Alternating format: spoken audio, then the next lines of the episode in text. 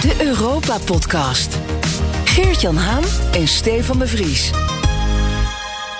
Welkom bij BNR Europa, de podcast van Nederland over Europese zaken. Mijn naam is Stefan de Vries en naast mij Eurocommissar Gert-Jan Haan. Ja, welkom in Berlijn. Daar zitten we deze week in die ständige vertretung. Een café met een historie, een vaste hangout voor Duitse journalisten en politici. Ja. Aan de oever van de Spree en om ons heen.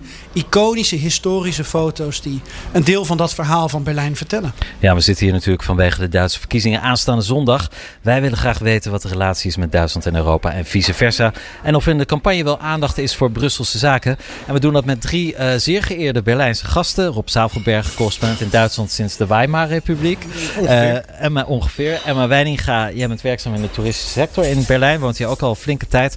En Paul Spies, de directeur van het Stadmuseum hier in Berlijn. Ja, en we zitten hier en zij zitten hier aan onze stamtisch. Uh, alle drie herzlichen welkom. En voor een langere versie van deze radio-uitzending kun je trouwens terecht in de BNR-app of in je eigen favoriete podcastplayer.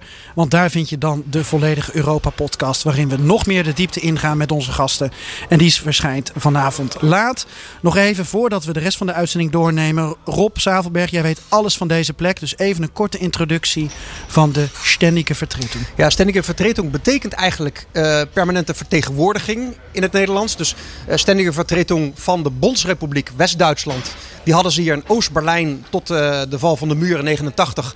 Hadden ze hier dus een soort ambassade. Maar je mocht het geen ambassade noemen. Daarom ständige Vertretung. En deze mannen, een van hen, uh, van die uh, gastronomen hier, de horecamensen die dit hebben opgericht. Die hadden allerlei kroegen in Bonn, toenmalige hoofdstad van West-Duitsland.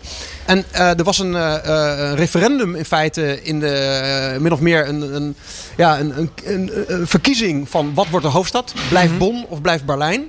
Nou, Berlijn won nipt. En toen hebben ze al hun restaurants, hun cafés hebben ze opgezegd. En zijn onmiddellijk hier naar de Spree gekomen. In hetzelfde tijdperk uh, toen ik hier uh, verzeild raakte. Zeg maar uh, 98, 99. De politici waren er niet. Er waren geen lobbyisten, er waren geen spionnen. Uh, het was echt Friede, Freude, eierkoegen toen. Ja, en toen was dit de eerste plek waar, überhaupt, waar de West-Duitse politici terecht konden. En de journalisten. En dat deden ze dus al in Bonn. Ja. En automatisch ook hier. Dus een gouden uh, idee. Echt een, uh, ja, een zakelijk goed instinct. En uh, het is nog steeds een goed lopende zaak. Ja, kennelijk. Nou, daar zitten we nu dus. vandaar ook het rumoer op de achtergrond. En vandaar dat onze uitzending wat anders is dan normaal. Ja. Maar natuurlijk wel, Stefan, met op het laatst onze eigen Europese hitparade. Zeker. Een oude bekende. En wat dit voor moois is, dat hoor je straks. Eurocommissarissen Haan en de Vries houden de Brusselse zaken scherp in de gaten. Nou, deze week geen andere Brusselse nieuwtjes dan Duitse nieuwtjes, maar wel een overzicht van de lokale kranten. Geert-Jan, je bent al een paar dagen hier in Duitsland en je hebt een mooi stapeltje verzameld. Ja. Uh, deel ons eens even. Ja, onze stamtje is een beetje te klein, dus ik had Ja. ze even op mijn schoot gelegd. Ik ben hier een paar dagen, dus ik ben eerst naar Keulen gegaan en nu doorgaan naar Berlijn. Dat is natuurlijk helemaal niks vergeleken met hoe lang onze gasten hier uh, bivakeren. Wat je net al over Rob zei. Ja, daar kan ik gewoon nooit meer aan tippen natuurlijk. Maar um, ja, wel even wat, wat ouderwetse krantjes. Weet je, hier de biografie van Merkel, die um, Era Merkel, uh, Bilanz einer Kanzlerschaft. Um, die Welt heb ik hier bij me. Uh, ook erg interessant. En uh, ja, wat krantjes en blaadjes en wat bekeken vandaag online. En dan krijg je een beeld ervan. Ja, ja. en, en je hebt niet alleen Duitse bladen gelezen, want je had ook een artikel in The Economist gezien. Of in ieder geval Die Welt had het over dat artikel. Ja, die schreven daarover en die noemden dat Abgesang auf Deutschland. Abgesang, zwanenzang, als ik het goed vertaal. en dat gaat erom dat uh, The Economist die dicht Duitsland en na Merkel een zware toekomst toe. Economisch gezien. Het gaat allemaal slecht worden hier. Uh, dat is deels dan ook de schuld van Merkel zelf, die het land eigenlijk onaangeroerd achterlaat. En ze heeft het land door crisis geloosd, is de morele leider van Duitsland, maar niet door hervormingen. En ook eigenlijk niet het voorbereidende werk daarvoor gedaan. Dat zegt althans die Economist. Dus je hebt het eigenlijk over de, de zwartkijkers aan de andere kant van het kanaal die uh, naar, naar Duitsland Rob, Rob Zavelberg voelt zich in zijn kuif gepast. Nou, nou ja. zullen we hem heel even afmaken voordat je inderdaad de Britten gelijk even uit de pan geeft. Uh, en de Amerikanen. Want um, het is wel zo dat die Economist, en ik, kijk, Voorspellingen glazen bollen kan je altijd doen, maar blijkbaar zit die Economist vaak goed met Duitsland-analyses. Dus eerder hebben ze al een keer gezegd: ehm, het gaat erg slecht met uh, Duitsland 1999, de zieke man van Europa. Uh, en het duurde een paar jaar tot die rood-groene regering van Schreuder ingreep met hervormingen om het land weer een beetje klaar te maken voor de toekomst. Nou, toen in 2005 die Economist ineens uh, met de tekst de verrassende opleving van de Duitse economie en warempel ze kregen gelijk. Oké, nou ja, moet ik even daarbij zeggen. Op dat moment, 2005, toen waren er 5 miljoen werklozen in Duitsland. 5 miljoen. Ja. nu zijn het er 2,5 miljoen. Dus uh, ja. uh, je kunt zeggen wat je wilt. Maar onder Merkel is het aantal werklozen niet, niet veel kleiner geworden. Nee, nee. Oké, okay, er waren geen opkikkers voor de economie, stelt die economist. Uh, het wordt nog zwartgalliger. Want nu gaat het over wat Merkel dus eigenlijk dan niet heeft hervormd, niet in gang heeft gezet. Een paar punten die de economist aanstipt. Auto-industrie niet klaargemaakt. Digitalisering. Duitsland loopt hopeloos achter in Europa qua concurrentie, vermogenspositie. Ik geloof in het Duits uh, wetbewerpen, Uh, Eén na laatste. Alleen Albanië staat nog achter Duitsland. Nou, daar mag je trots op zijn. Oude bevolking, doe je niet zoveel aan aan de ene kant. Aan de andere kant, je kan erover nadenken. En Merkel heeft 15 jaar lang, 16 jaar lang beloofd dingen aan te pakken als belastinghervormingen, afbouwen van de bureaucratie, meer innovatie. De DAX is veel minder gestegen onder Merkel dan onder Helmut Kohl. Nou, die economist haalt alles erbij. Ja, de Duitse economie is, is, is klaar eigenlijk voor, uh, voor, voor betere tijden. Net als in, uh, in Nederland. Maar het klopt wel natuurlijk dat Merkel vooral op de winkel heeft gepast. En, en uh, in feite ja, de kanselier ook van de crisissen was. En die crisissen heeft ze haar land er doorheen geloodst. Maar de grote hervormingen inderdaad, daar kun je nog op wachten. Ja, nee, het geld is er. Het geld is er. Nou, daar gaan we straks nog uitgebreid over hebben.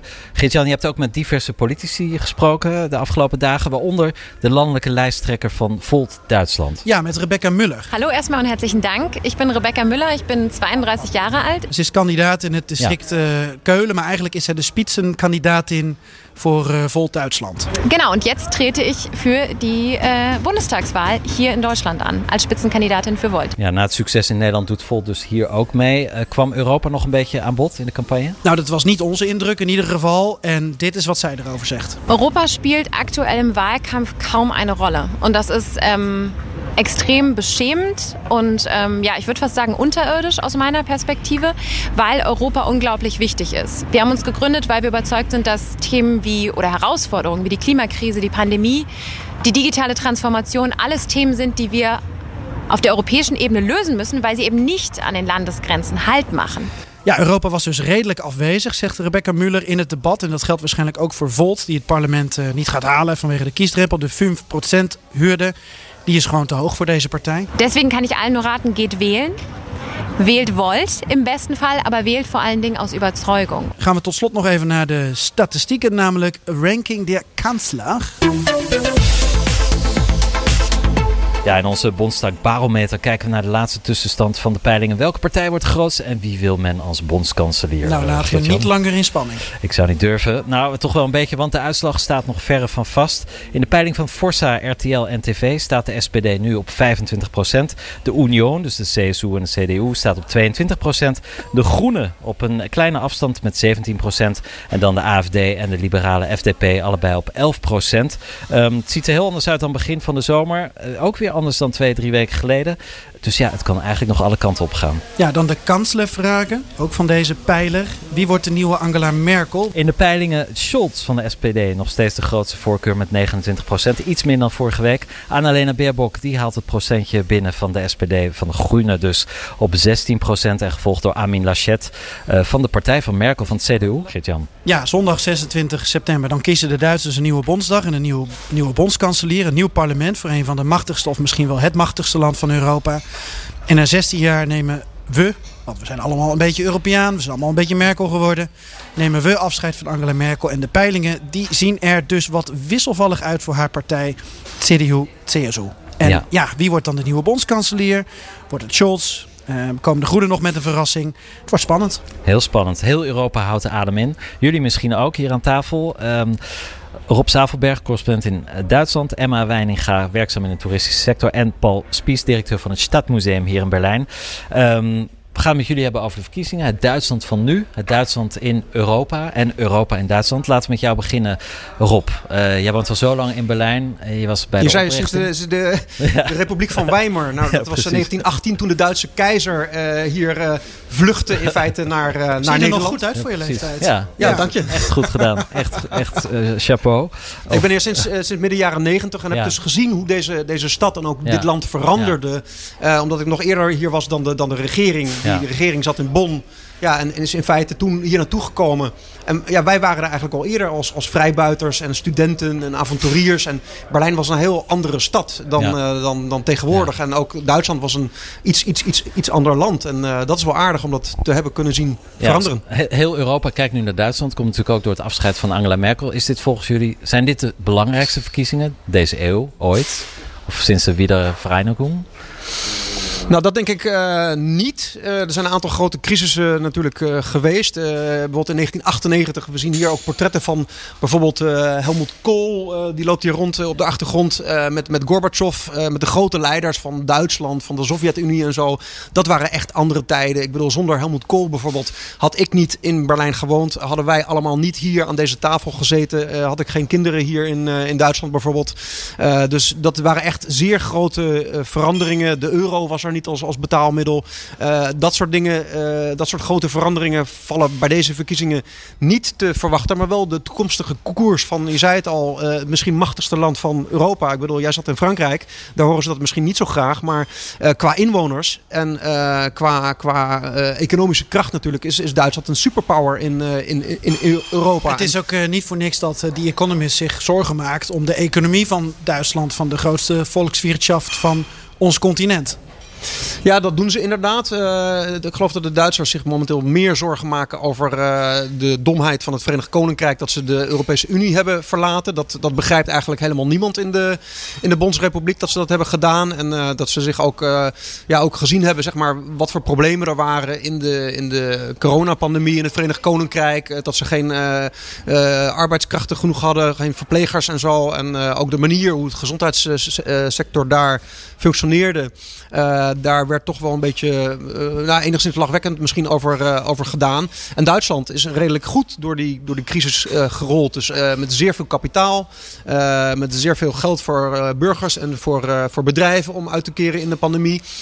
met een relatief laag aantal gestorven personen, nog steeds 100.000. Maar in andere landen waren, waren het er veel meer geweest. En ja, Duitse medische sector bijvoorbeeld, ja, die heeft het fantastisch gedaan. die, er is hier sprake van een soort oververzorging uit Nederland, Nederlands perspectief. Maar ja, Duitsland is, is, is bereid, is, is, is rijp voor een nieuwe tijd. En kan ook, uh, heeft, heeft genoeg, hoe moet je zeggen, genoeg spek op de, op de heupen om uh, ook, ook door een volgende crisis te komen. Ja, Paul Spies, hoe, ja, hoe nou, zie jij dat? Uh, ik, ik, ik, kijk dan naar van hoe zo'n Europa kijkt naar Duitsland. Um, hè, dus je, je, hebt het perspectief eigenlijk geboden intern. Hè, zo dat dat voor die Duitsers helemaal niet zo super belangrijk misschien zou, zou zijn kun je over nadenken. Je hebt ook een, een, een accent gelegd over dat, uh, dat ze klaar zijn voor veranderingen. Ik, ik zie dat ze dat willen. Ik zie ook dat ze het niet kunnen. Want ik, ik maak het in de praktijk dus mee dat ze het niet kunnen. Daar kunnen we het later over hebben. Maar voor Europa, wij maken ons met z'n allen zorgen of die of, het aanvoerders, of de aanvoerdersband nog wel door iemand hier wordt genomen die overtuigd als aanvoerder kan acteren. Want um, je kunt kritiek hebben op Merkel, maar wat wij natuurlijk gezien hebben van haar is dat ze dus uh, tussen die mafkezen in Rusland en de Verenigde Staten gewoon uh, een hele goede uh, houding heeft ingenomen. Heel consequent, heel overtuigend. En, en, we hopen natuurlijk wel dat we weer zo iemand krijgen. Want waar zal die elders vandaan moeten komen? Maar dan kijk jij dus heel erg naar moreel leiderschap en niet zozeer naar resultaat. naar, naar van investeringen naar... Nee, nee. Ik kijk naar wereldleiderschap. Ja, ja maar ik moet er Paul ook even bijvallen. Want het gaat niet alleen om moreel leiderschap. We praten ook over, over oorlogen in Europa. Over de Oekraïne. Over het uh, Minsk-proces bijvoorbeeld. Het gaat me een beetje koud over, uh, over de rug. Het is niet opgelost hoor. Nee, maar Merkel heeft er wel voor gezorgd toen met Macron... dat, dat die Russen zeg maar, niet verder het land uh, inkwamen daar. Ze heeft nachtenlang in Minsk in Belarus bij de dictator daar op schoot gezeten om, om de boel te stoppen en zo. En dat was niet de enige crisis die ze heeft opgelost. Ik, wil, ik heb hier meegemaakt dat de banken, uh, niet alleen de Nederlandse banken, van de vier grote Nederlandse banken die als luciferhoutjes uh, omver knikten. Dat gebeurde deels ook in Duitsland met de Commerzbank bijvoorbeeld en de Dresdner Bank. Uh, zij heeft toen gezegd, oké mensen, jullie spaargeld, jullie vermogen is, is, is veilig. En dat was misschien wel een beetje bluff. Maar ze zei het wel. En, en Duitsland is, is fantastisch door die uh, schulden- en bankencrisis is, zijn ze heen gekomen en zo. En dat is niet alleen moreel leiderschap, maar ook het leiderschap van een, van een wereldleider die er op de belangrijke punten gewoon haar mannetje als vrouw heeft gestaan. Ja, Emma, jij woont hier acht jaar. Ja. Dus je hebt alleen maar Merkel gekend. Ja. Hoe, hoe kijk jij naar dat tijdperk? Ben je, kijk je met angst en beven uit naar een Merkelloos tijdperk? Nee, eerder met nieuwsgierigheid. Ja. Um, ik vraag me heel erg af of de volgende kanselier eerder een tussenkanselier wordt of een, een volgende grote leider. Uh, maar ik moet wel Paul even bijvallen, want ik denk wel Ook dat al. hij, ja, want ik denk wel dat hij toch wel de vinger eigenlijk op, op de juiste plek legt, niet te zeren, maar de juiste plek. Um, want als ik iets heb geleerd in Duitsland, is dat Duitsers houden van stabiliteit. Daar gaan ze voor. En Merkel was zo'n stabiele kanselier. Die heeft zo duidelijk elke keer geprobeerd, ook als het ging inderdaad om gebrek aan investeringen, liever recht zo die gaat dan te veel gas geven of te weinig. En um, ik ben daarom ook reuze benieuwd naar hoe het nu gaat. Of Duitsland daadwerkelijk in een woeliger periode terecht gaat komen.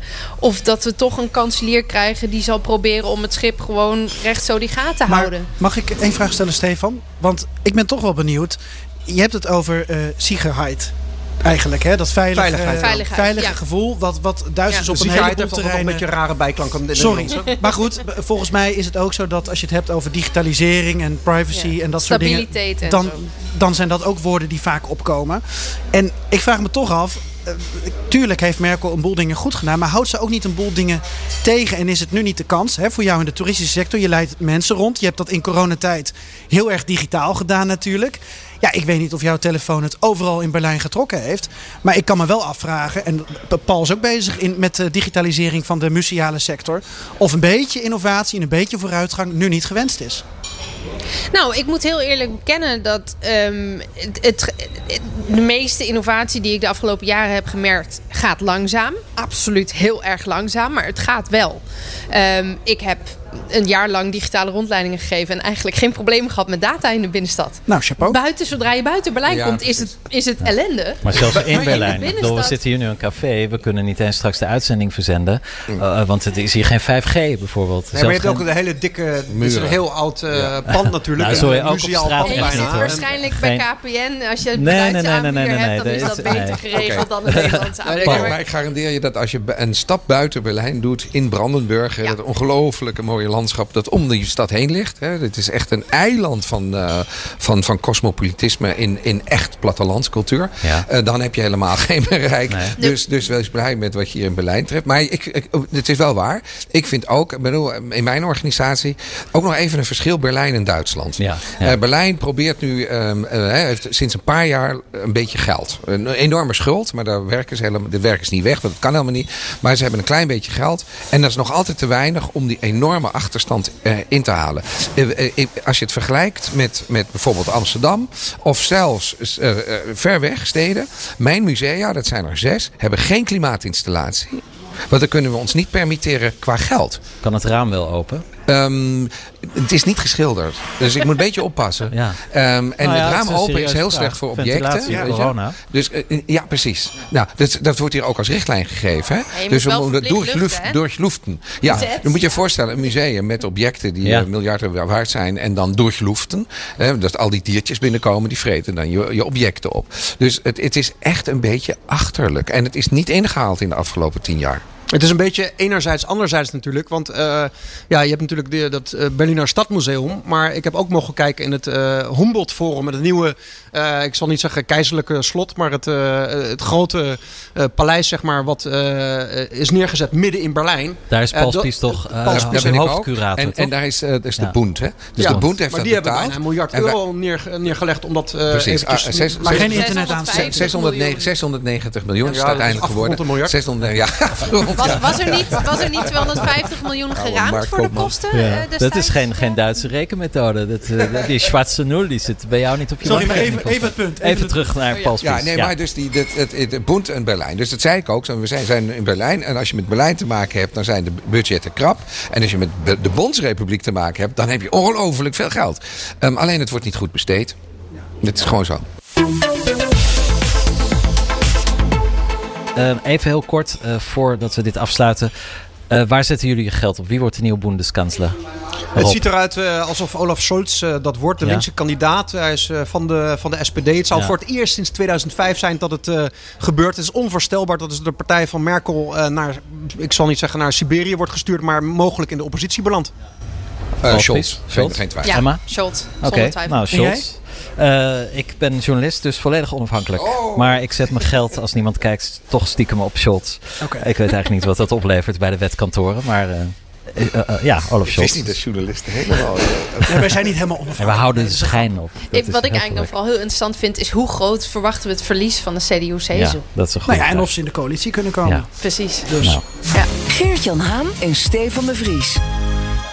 Eh, we zitten nog steeds in de Ständige Vertretung, het eh, iconische café aan de Spree in Berlijn. Met onze gasten Rob Zavelberg, correspondent in Duitsland, Emma Weininga in de toeristische sector werkzaam. En Paul Spies, directeur van het Stadmuseum in Berlijn. Ehm, ja, En ook welkom Gorby. Gorby. Ja, die Oh foto achterop daar. Welkom Gorby. Make love, not walls. Ja, en boven ons ook Angela Merkel, hè, die Oh ja. met de tong uit de mond eh, hier binnenkomt eh, wandelen. Een groot portret naast uh, Friedel Drautsburg, mijn vriend, die hier de, de, dit café heeft eh, opgezet. Ja, allerlei illustere namen en tronies Ja, aan de jij hier muur. niet hangt, Stefan. Nog niet, nog niet. Bij de volgende uh, Wiedervereniging van Europa misschien. Over Europa gesproken, daar praten wij ook vooral over. Dus laten we eens kijken naar de positie van Duitsland binnen Europa. Um, want ja, in Brussel voeren de Duitsers de boventoon. Ik wil eigenlijk even terug naar de geschiedenis. Um, met jou, Paul Spies. Als je hier rondloopt, dan ontkom je niet aan de geschiedenis. Hè? De Weimar-republiek, de Eerste Wereldoorlog, nazisme, communisme. Op iedere straathoek. Het klinkt als een cliché. Maar eigenlijk is de geschiedenis van de stad Berlijn ook de geschiedenis van Europa. Het is met elkaar verbonden. Hoe, hoe kijk jij daar tegenaan. Hoe, hoe denk jij daarover? Ja, dus dat vind ik ook. Hè. Dus, dus de hoofdstad... jij, bent, jij bewaart de ik, geschiedenis ik van ben, ik ben museumdirecteur van het Historisch Museum van de Stad geworden. Ja. Die je zou kunnen omschrijven als, sorry, de hoofdstad van de geschiedenis van de 20e eeuw. Ja. En dat is ook heel belangrijk. De 21e eeuw is maar zeer de vraag. Hè? Dus um, die, die 20e eeuw is in al die wonden die nog steeds zichtbaar zijn. En ook als het geen wond is, maar moet nieuwbouwen. Dan vraag je toch af, wat heeft er dan Ja. niet gestaan? Hè? Want het is allemaal dan gebombardeerd geweest. Of, of ver- verwijderd omdat de de Oost-Duitse periode was. Of wat dan ook. Dus inderdaad, iedere boom, iedere straathoek, ieder stukje muur, iedere, iedere pff, eh, zo'n straatbekleding. alles ademt geschiedenis. En ik stel me ook bij alles vragen. Ehm, wat aan de ene kant natuurlijk heel erg interessant is. Andere ook buitengewoon vermoeiend. Want je kunt nooit eens rustig flaneren. Zonder dat je de tijd die gedachte hebt. Dat, heeft hij natuurlijk ook als, eh, als stadsgids. En, en dat heeft erop eh, misschien niet meer omdat hij al zo lang is. Maar ik voel me nog steeds hier overweldigd door de geschiedenis. Want wanneer Maar- ben je hier gekomen? Nou, jaar vijf geleden? jaar geleden. Oké. Vijf jaar geleden. Maar, maar, maar, maar ik moet eerlijk zeggen, dus de vraag, dus eh, onze vaststelling in het museum is van Berlijn heeft altijd geschiedenis gehad van een enorme wrijving. En dat explodeert als het heet wordt. Hè. Wrijving, dat kan ook vuur worden. Hè.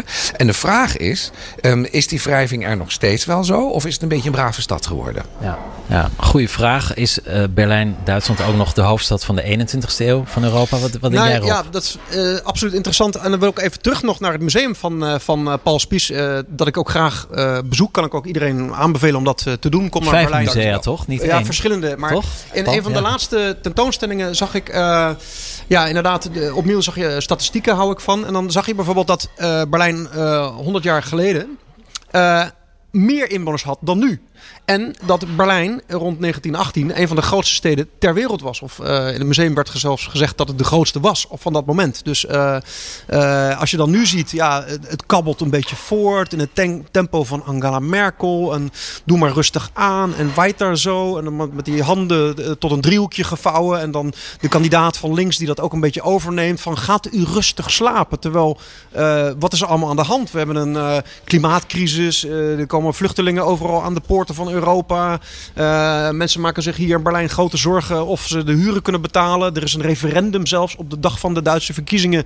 Uh, dus ook op deze zondag om uh, hier uh, woningcorporaties te nationaliseren, om ze te onteigenen en zo. En dat is, ja, er is in feite heel veel aan de hand. Maar je ziet die stemming nog niet helemaal terug in het stemgedrag. Nee, maar is het dan Berlijn nog wel een kanshebber voor Europese hoofdstad? tenminste, niet officieel. Nee, Emma schudt nee. Nee. ik, heb het gevoel, ik heb het gevoel dat de grote aardverschuivingen wel een beetje geweest zijn eigenlijk de afgelopen jaren. En wat, wat inderdaad Rob zegt, dat, dat het nu een beetje zo voortkabbelt en dat er vooral heel erg aan de knopjes wordt gedraaid voor het fine-tunen. Uh, maar dat is in ieder geval ook de, sfeer die ik in ieder geval ook vanuit de stadpolitiek heb meegekregen. Dat ze eigenlijk wel vinden dat Berlijn is wel eigenlijk wel goed zo.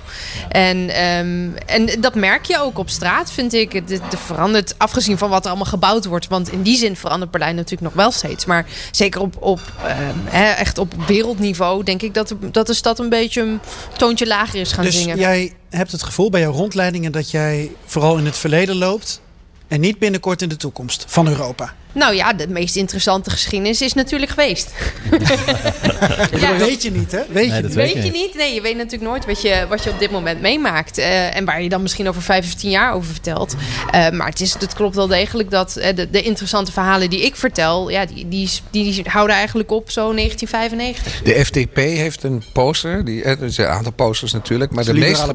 Nee, ja, precies. De, de tekst die ze het meest um, um, laten zien is... Um, no, nog nooit was er zoveel te doen. Hè?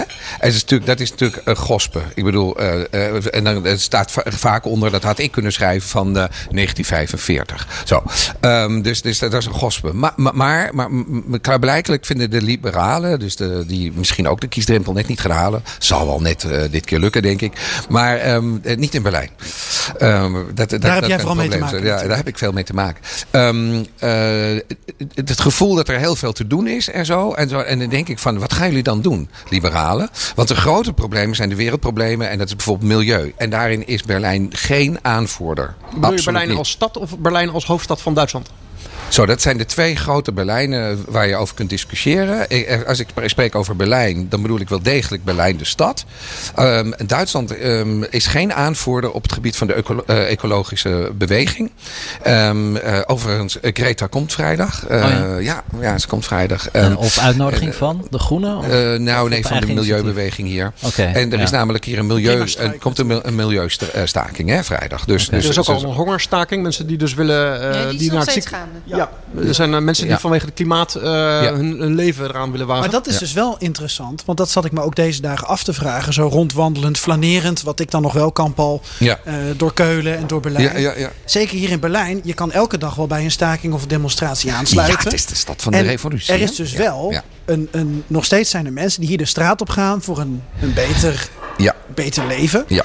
Uh, ja. Dat heb ik elders in Europa niet zoveel meer gezien. Ja, in Frankrijk is ook tamelijk veel. Stefan zit hier bij ons. Die kan er geloof ik ook veel over de gele hersens ja, vertellen. Ja, zeker, zeker. Ga naar Barcelona en dan lopen er niet 100 mensen over straat, maar 100.000 mensen over straat. ik denk dat we in Nederland misschien niet meer zo snel de straat op gaan. Ja, ik ben het niet meer gewend. Nee, nee. nee maar je ziet nu wel, wel de corona-protesten. Uh, die worden toch wel flink overgenomen vanuit uh, Duitsland. Bijvoorbeeld de omgekeerde Duitse vlag. Die zie je nu de omgekeerde Nederlandse vlag. En alle leuzen en de slogans en de manier hoe er ook wordt geprotesteerd in Nederland, die lijkt één op één geïmporteerd uit Duitsland. Ja, maar toen ik hier, ik kom hier al heel lang en toen ik hier tien jaar geleden rondliep, ik ben ook al heel oud, uh, had ik toch altijd de indruk dat ik uh, ongeveer uh, 2005 of zo nog steeds in het Amsterdam liep van de jaren 80 ja. met de krakers en ja. graffiti. Ja, en als ik er nu rondloop, dan Gepoetst. zie ik wat ik bijna allemaal in Europese hoofdsteden zie. Het is gewoon, Gepoetst. het wordt aangehaakt. Ja, precies. Ja. En wat, wat zegt dat dan? Jij, want hoe zie jij dat, Emma? Nou ja, ik ben het wel met je eens. Want uh, de eerste keer dat ik in Berlijn kwam was in 2006. Dus ongeveer dezelfde periode. En um, als je Berlijn van toen vergelijkt met nu, dat is een gigantische verandering geweest. Die overigens wel toen al is ingezet. Hè. De grote opknapbeurt begon toen al in wijken als Prenzlauer Berg en Friedrichshain. Um, en, en nu is dat klaar. Dus je, je ziet dat, dat de straten zijn netjes geworden. De oorspronkelijke Berlijners zijn uit hun huizen verdreven. Door de hoge huren natuurlijk. Uh, allemaal naar de rand of zelfs verder weg. Um, dus er is ook een ander soort Berlijner gekomen. De mensen zijn anders. Uh, dus de, de cafés zijn daardoor weer veranderd. Dus het is een soort van ja, rollende verandering. Die eigenlijk nu zo een beetje, naar mijn mening dus eigenlijk is uitgerold. Ja, eh, dat, dat zie je in veel. Europese grote steden. Ja. Ja. Het ja. is zo aangeharkt en netjes geworden en dat was absoluut nog niet zo rond 2005, Nee. 2006. Nee. Paul Spies, hoe, hoe ga je daarmee om in je collectie nou, ik, ehm, ik vind het interessant dat er dus nog misschien een paar mogelijkheden zijn. Die onteigeningsvolkstemming is wel interessant. Want ehm, eh, ik- de stad heeft een tijdje geleden bes- besloten, Berlijn, dat ze helemaal geen bezit meer afstoten. Dus ze hebben heel lang verkocht en verkocht en verkocht. Het waren de Sociaaldemocraten en links was het die hier eh, alles Ja. hebben verkocht. En diezelfde hebben nu besloten, want het is nog steeds een eh, rood-rood-groene regering. Die hebben besloten dat ze dat dus niet meer doen. Dus om, om dus controle te houden over ehm, dat wat er nog is aan mogelijkheden om de creatieve sector te trekken. En natuurlijk ook de managers van de andere sectoren, want die vinden dat een aantrekkelijke omgeving om te zijn. He, men vergeet altijd dat niet alleen. Het is, gentrification is altijd, als het ware, het, eind, het, eindpunt van een heel traject waarin je met kunstenaars begint en je eindigt met vermogende particulieren. En daartussen zit dus het spannende moment als, dus, als jij als, als go- goed opgeleide persoon bij die, bij die gekke kunstenaars in die, in die rafelrand mag wonen. Nou, die rafelrand, die, die, die, die, door het eigen succes verdwijnt die. Want iedereen komt hier, moet dus wonen en werken. Dus je gaat dus gek bouwen en je bouwt alle gaten dicht. Dus we moeten nu naar Brandenburg, dus naar dat platteland. Waar eh, men veel rechtser en traditioneler is. Dus dat wordt nog interessant. Dus Berlijn heeft een intern probleem. En ik weet niet of ze tijd hebben voor Duitsland en voor externe problemen. Even terug naar Europa. Eh, het is ietsje groter Ja. dan, dan Nou ja, Duitsland en Berlijn, maar het hangt met Precies. elkaar samen. Ja. In het begin van de uitzending hadden we het even over dat ik ehm, in Keulen Rebecca Muller van Volt heb gesproken. Wat natuurlijk de pan-Europese partij is. Dus die zien alles vanuit Europees perspectief. Ben zo even benieuwd of jullie ook in jullie gesprekken met Duitsers... of mensen die je rondleidt, of mensen die je museum bezoeken... of je collega's, of die het ook wel eens over Europa hebben... of de Duitse rol in Europa. Of dat zo'n automatisme is dat je daarom niet ziet dat het misschien wegglipt. Vielen ist nicht bewusst, wie viel Europa mit unserem täglichen Alltag zu tun hat. Und mein Gefühl ist, und ich kann es natürlich nur von außen beurteilen, dass viele Politikerinnen und Politiker, gerade in Deutschland, gerne auf die EU verweisen, wenn es etwas Negatives gibt. Aber wenn die EU Erfolge feiert, dann ist die EU nicht relevant, sondern verschiebt man es aufs Nationale, auf die nationalen Ebenen. Daar wil ik het zo even over hebben. Want in Duitsland, over Volt gesproken, die kiesdrempel ligt dus op 5%. Kleine en nieuwe partijen moeten flink resultaat boeken om kans te maken op een zetel. Ehm, Stefan, denk jij, Volt komt erin? Nou ja, je hebt hier die kiesdrempel hè, van 5%. Ehm, dat is natuurlijk, in Nederland had Volt enorm succes. En daar hebben ze geloof ik ongeveer 5% van de stemmen gehaald. Ja, drie denk ik omgerekend hoor. Ja, ehm, dat, dat is hier natuurlijk een stuk lastiger. Is, is, jij kent het vanuit Frankrijk natuurlijk niet Ja. wat we in Nederland hebben. Dat er Nee. 18 of 19 partijen of fracties of wat het nu Ja. ook zijn in een parlement zitten. Ja, hier worden het er gewoon zes. Ja, nou gewoon zes. Volgens mij is dat ook al veel meer dan vroeger, toch? Het zijn er eigenlijk in feite altijd zes. Eh, Vooral ook als je de, de Christdemocraten, zeg maar, eh, het zijn eigenlijk in feite twee partijen. De CSU uit Beieren in Zuid-Duitsland. En dan de CDU. eh, voor- voorheen ook nog vergeten de peiling. Je hebt ook nog die linken, dat zijn de postcommunisten uit de DDR. Ja, maar die komen er wel doen in. ook mee, meestal eh, eigenlijk in feite... Nou ja, eh, Het is de SP van Duitsland. Ja. ja, de SP van Duitsland. Maar dus ze, komen, ze komen voort uit, uit eh, de, de Ja, Socialistische Partij. uit- Aangevuld inmiddels door heel wat weldenkende linkse mensen. Ja. Ja, maar het is, het is een fusiepartij. En vooral rechts gebruikt dat in Duitsland. Om nu een zogenaamde rode sokkencampagne te voeren. Van let op als de CDU van Merkel er niet meer in zit. En Merkel was zelf inwoner van, die, van het socialistische Oost-Duitsland. Eh, als die eh, Merkel-partij er niet meer bij zit. Dan het grote spook, vooral voor, voor grote bedrijven en zo.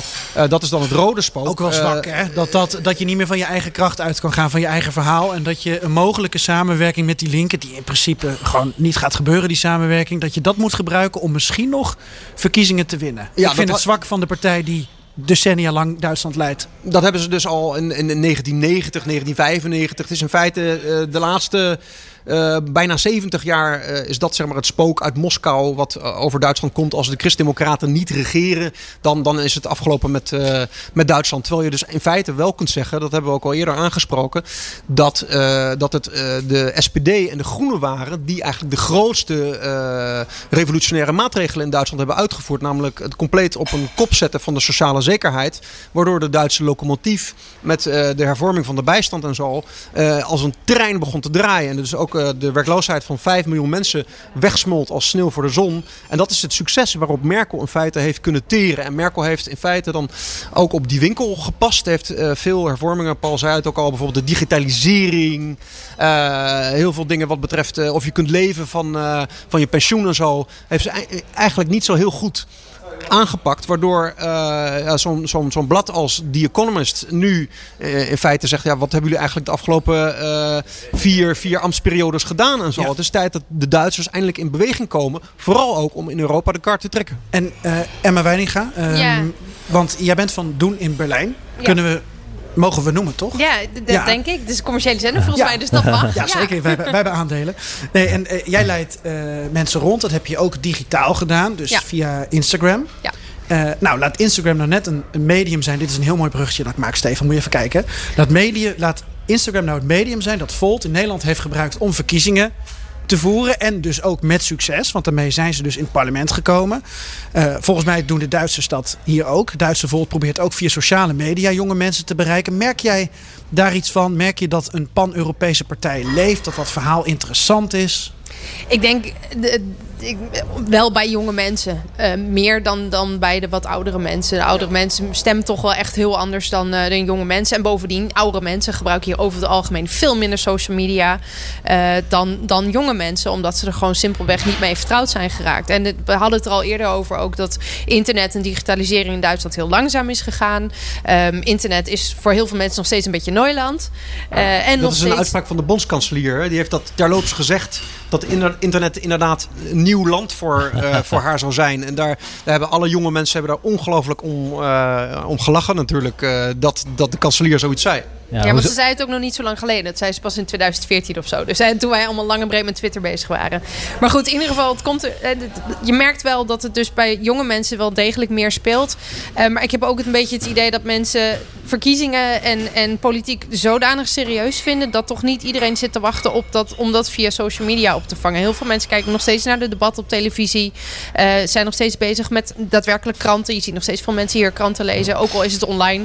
Ehm, dus ik weet, ik weet niet of dat echt de allergrootste, allergrootste eh, handige zet is Nou, om nou- dat zo te doen. Nou zegt Rebecca Muller van Volt wel. Duitsers zijn zich eigenlijk ook helemaal niet zo bewust van Europa. En eh, wat Europa doet Nou, ik- met ons. En als het misgaat, is de EU de boeman. Ja. Als er iets goed gaat, dan ja, is het gewoon goed. We hebben, we hebben niet. We, we, we- komen er maar niet hè, op, hè, op dat onderwerp Europa. Want het, het wordt. En ik geloof dat het heel beeldend is. Europa is heel geïnteresseerd in Duitsland en Berlijn. ja.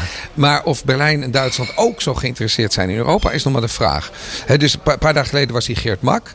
En die, ehm, en, die, en, die, en die zegt dan tegen die Duitsers: wat Griekenland is aangedaan, is een grof schandaal, een historisch schandaal. En dan zit je, zie je in de zaal de mensen toch een beetje kijken: zo van: eh, hoe was dat ook alweer dan? Wat hebben we dan ook alweer precies gedaan? Weet je, dus is eigenlijk. En, en het verbaast me dan. En, en het wordt wel meteen weggeveegd, want het ging vervolgens over, over allerlei andere dingen. Dus daar zat meneer Europa uit Nederland. Hè? En, die, en die was dus aan het vertellen over verhouding. En je merkte gewoon aan de zaal dat ze. Ze, ze hadden weinig vragen. Nou, is een Duitser. Ik kan heel moeilijk vragen stellen in een zaal. Het is namelijk altijd top-down hier. Dus dan, eh, oh, mag ik een vraag stellen? Oh, schrikken. Het klinkt hetzelfde Ehm, als Frankrijk trouwens. ja. Misschien dat ze Ja, daarom het goed met elkaar kunnen eh, eh, hiërarchie. ja. Ja, ja. Ja.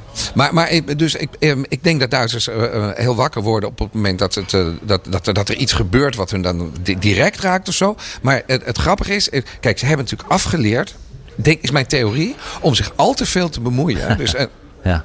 met Europese zaken, zonder dat het van ze gevraagd wordt. Ja. Als En ik daarop mag inhaken Ja, trouwens. Emma. Want ik vind het wel interessant wat, wat Paul zegt. Het klopt inderdaad. Pas op het moment dat het daadwerkelijk hier aan de voordeur is. En dat, de vluchtelingencrisis van 2015 is daar een perfect voorbeeld. Dat was het moment dat hier letterlijk op München en op de grote stations kwamen treinen met vluchtelingen aan. En dat was voor het eerst in jaren dat Europa en een Europees probleem eigenlijk letterlijk bij mensen hier in Duitsland aan de voordeur stond Ja. te kloppen. Maar paradoxaal genoeg zijn het de Europees, Europeanen wel die kijken naar Duitsland. Want er was een poll bijvoorbeeld Duitsland, in ja. Spanje en, Ja. en Portugal. Ja. Dat ze heel graag Angela Merkel zouden zien Ja. als Europese president. Hypothetisch natuurlijk. Ja. Dus zelfs Gaat ze ze- nooit doen. Zou ze misschien in Nederland ook wel doen als ze in Nederland Misschien wel, zou maar, zijn? maar ik denk dat heel veel Europeanen een ander imago hebben van Duitsland dan Duitsland van zichzelf wellicht. Of dat we toch misschien iets verder zijn dat Duitsland bang is vanwege het verleden om toch een te grote rol te nemen. Maar dat we dat eigenlijk toch diep in ons hart wel willen. Dat zelfs een Spanjaard zou misschien liever een Duitse minister van Financiën hebben dan een Spaanse minister van Financiën. Ja, dat zou misschien zeker uh, zo kunnen. Maar de Duitse ministers die zijn natuurlijk vaak heel streng geweest. Hè? Ik bedoel, ja, uh, ja, de beroemde zwarte nul van ja. Schäuble. Dat was een soort, Schäuble is een soort uh, dijsselbloem zeg maar, geweest van de eurozone, maar dan voor Duitsland. En die waren toch tamelijk streng wat de begrotingen zo aanging. Ik bedoel, het was ook Duitsland in onder Schreuder nog dat die, diezelfde begrotingsregels van Maastricht geloof ik aan de, aan de laars gelapt had. Maar uh, omdat ze ook uh, goed op, uh, op de centen gelet hebben, heeft, was ook wel de basis voor het economische succes van Duitsland in de afgelopen jaren. En dat zijn natuurlijk ook de Merkel-jaren gelegd. En andere landen, van de Grieken tot de Spanjaarden, de Portugezen, overal wordt natuurlijk met belangstelling naar Duitsland gekeken. Maar vooral gaat het in Duitsland goed, hebben de Duitsers veel te, te verdelen. Dat heb je ook met de coronapot gezien, 750 miljard euro. Ja, ze zijn natuurlijk blij dat die, die landen in Zuid-Europa of ook andere landen, misschien zoals Polen bijvoorbeeld, dat er, dat er veel geld uh, naar, vanuit Duitsland, uh, vanuit uh, landen die het economisch beter doen dan de rest, daarheen stroomt. Dus, dus, wat, ja. Duitsland, wat Duitsland wel heeft, is natuurlijk die historische relatie met Oost-Europa. Nou, de um, Oostpolitiek, dat wordt heel belangrijk ja, om te volgen exact. als we de uitslag van de verkiezingen ja, weten. En, en daarin kan Duitsland een hele belangrijke, en moet Duitsland een belangrijke rol spelen. Toch ook een beetje als, um, ja, als inderdaad als ethische leider, zal ik maar zeggen. dus de, de, de Polen, um, de, de, de Hongaren en, en de Tsjechen en noem ze maar op. Die dus, um, um, als, ja, daar waar Duitsland invloed op kan uitoefenen, al was het maar economisch. Door hun poot stijf te houden. Te zeggen van we houden echt op met bepaalde subsidies Europa. Als, als, als, die, als die mafkezen niet stoppen met, met hun ondemocratische um, regeringen. Ja, maar dat doen ze dus niet. En dat, nee, is, en dat, dat zouden ze groot, moeten gaan doen. Uh, groot issue uh, bij sommigen. Ja. Dat je in feite ziet dat Duitsers hun Europese beleid via Brussel spelen. En als ik met, met Merkels uh, vertrouwelingen, adviseurs en zo spreek, dan geven ze het ook gewoon toe. Dan zeggen ze van ja, wij kunnen hier on the record eigenlijk niks erover zeggen.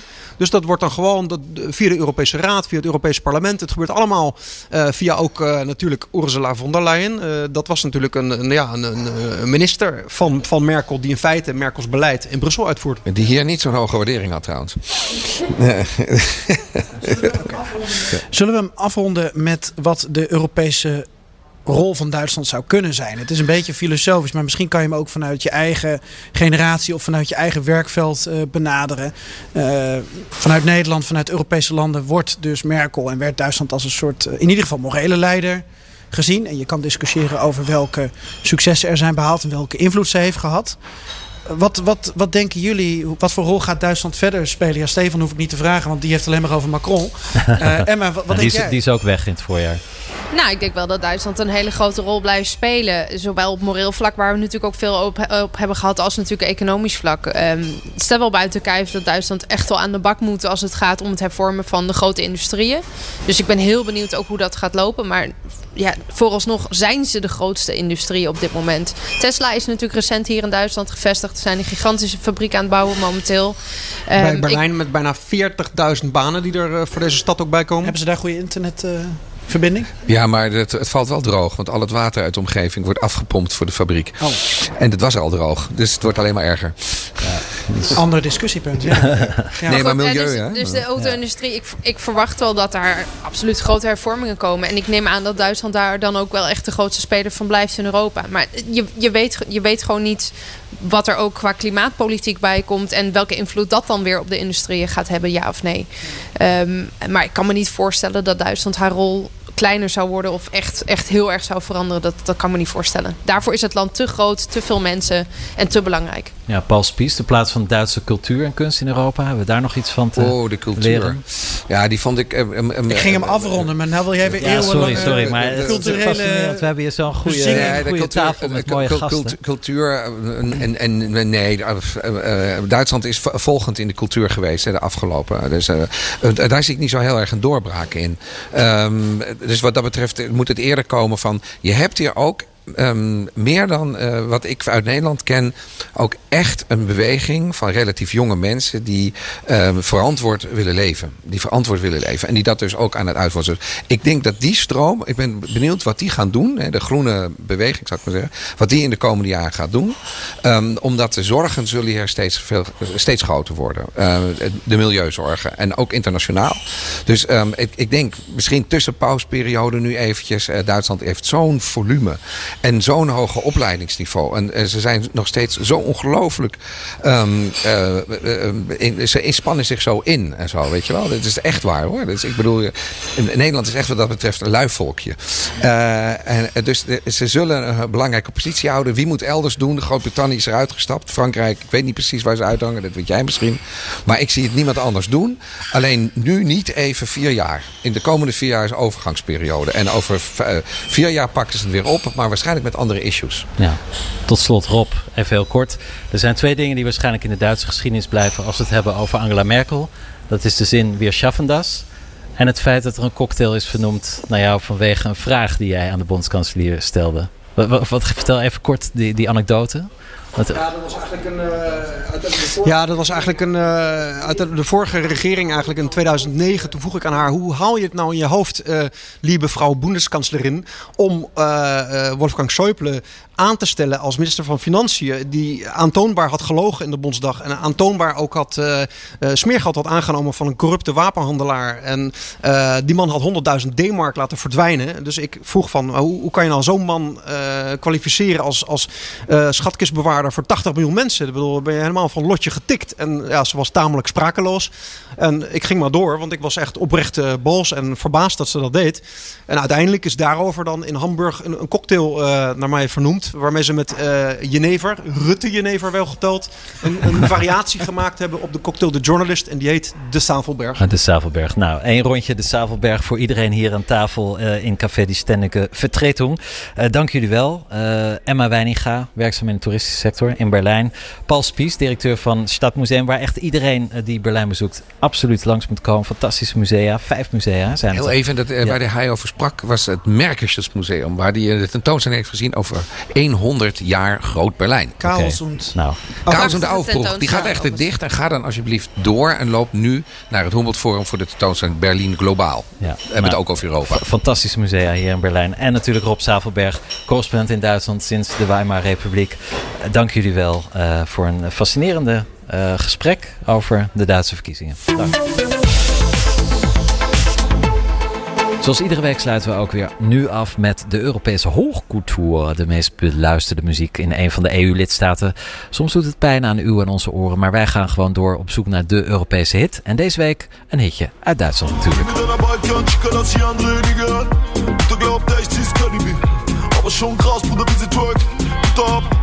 Kleine Bastard, Kinder machen krass auf Insta, aber was dahinter?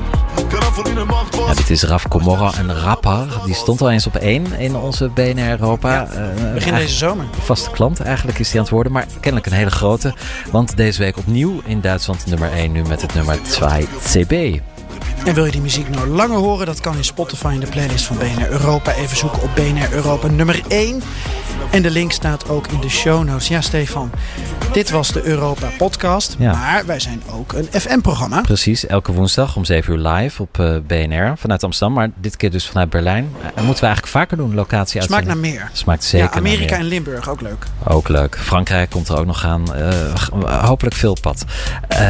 maar goed, volgende week woensdag dus. Dan heeft Duitsland een nieuwe bondskanselier. Misschien heeft Nederland zelfs al een nieuwe premier. In ieder geval ziet de wereld er dan compleet anders uit. Maar wij zijn terug met een nieuwe uitzending. Althans, jij, want ik ga nog even met vakantie. Je wel verdient na het harde werk hier in Duitsland, in Berlijn. Dank voor het luisteren. Bis nächste Woche und süße Grüße aus Berlin. Tschüss.